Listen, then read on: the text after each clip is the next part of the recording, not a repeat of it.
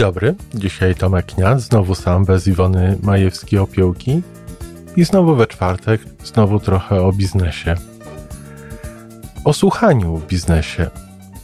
Jest bez liku książek, szkoleń, coachów, którzy pomagają nam w biznesie się komunikować, mówić, rozmawiać z pracownikami, robić prezentacje, 20-sekundowe wizytówki, jak przedstawić siebie i swoją firmę przypadkowo spotkanej osobie w windzie.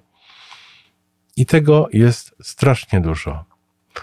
A ja chciałem zwrócić uwagę na potrzebę słuchania w biznesie. Może nawet nie tylko na potrzebę, ale na korzyść. Klienci do nas przychodzą jako do ekspertów.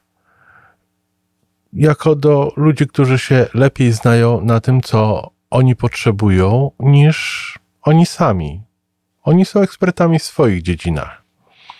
Także oczekują od nas nie tylko towaru, czy usługi, czy produktu, ale oczekują od nas właśnie tej części ekspertyzy, właśnie porady. Wyobraźmy sobie, że idziemy do lekarza po pastylki na ból brzucha, bo nas coś tam boli. Wchodzimy na wizytę do lekarza, mówimy, że przyszliśmy na coś, bo potrzebujemy receptę na, na coś na ból brzucha. I lekarz mówi: Proszę, tutaj są pastylki po 20, duże niebieskie, ale mamy też mniejsze po 12 za pudełko, które pan, pani sobie życzy. Wypisuje receptę i sprawa załatwiona. Oczywiście, że nie tego oczekujemy od lekarza. Co, co lekarz zrobi najczęściej? Lekarz się zapyta i wysłucha. Po co, dlaczego nas boli? Czy nas boli z tej strony, czy z innej? Czy boli nas po jedzeniu? Czy boli nas dlatego wtedy, kiedy się ruszamy? I tak dalej, i tak dalej. Ten lekarz będzie chciał się od nas dowiedzieć jak najwięcej. Po to, żeby potem nam jak najbardziej pomóc. Więc jeżeli klient do nas przychodzi po pomoc, to chyba do nas należy, żeby się o tym kliencie dowiedzieć jak najwięcej. Bo wtedy będziemy mu mogli pomóc jak najbardziej i wtedy ta relacja będzie jak najbardziej korzystna dla obu stron. A o to nam chodzi. Więc akurat w mojej branży ja zajmuję się przyrządami pomiarowymi. Akurat nie, nie sprzedajemy wag, ale waga to też jest przyrząd pomiarowy i Łatwo sobie wyobrazić taki przykład, że klient do nas dzwoni i mówi, że potrzebuje wagę i my się pytamy normalnie, czy by chciał taką wagę, czy inną i klient wybiera. Taki przykład jest bardzo wyobrażalny. A wyobraźmy sobie inną rozmowę. Klient też dzwoni po wagę i się pyta, nie, wtedy my się pytamy, a do czego ta waga będzie panu, pani potrzebna? Jak często, jak do, dokładność, co na tej wadze będziemy ważyli i, i po co. Miałem taką sytuację z firmą far farmaceutyczną.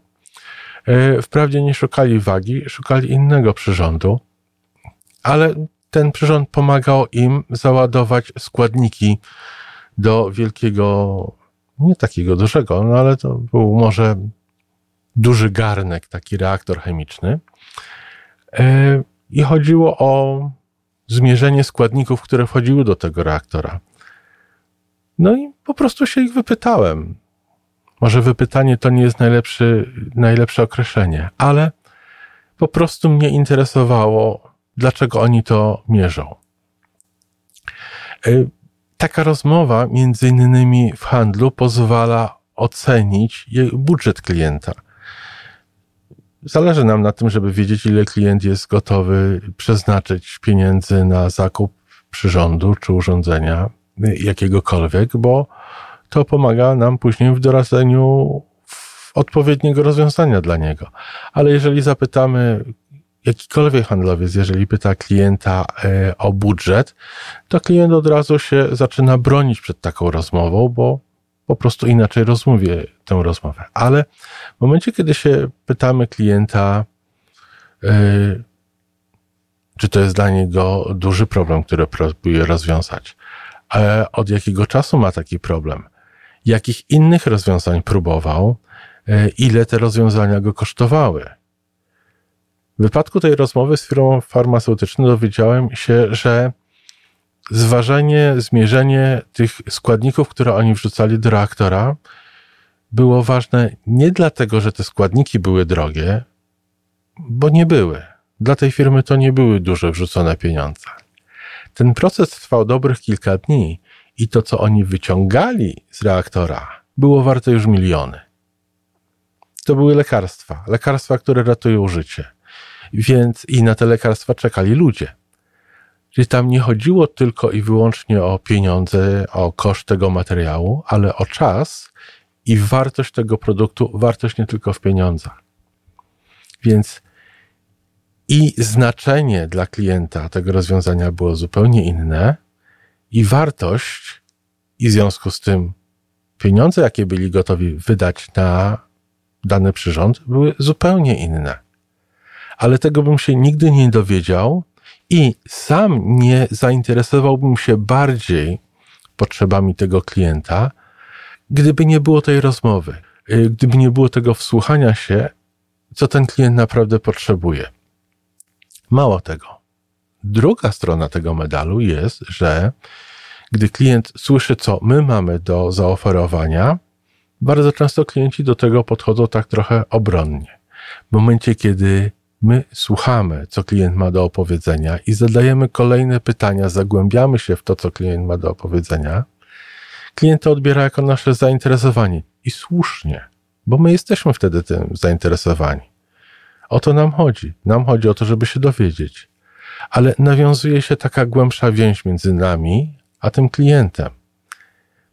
Z tej więzi my będziemy stanie klientowi bardziej pomóc. Klient będzie miał większą korzyść z tego. Wszyscy będą bardziej zadowoleni i relacja będzie bardziej pozytywna. A to wszystko zaczyna się od po prostu wsłuchania się w klienta.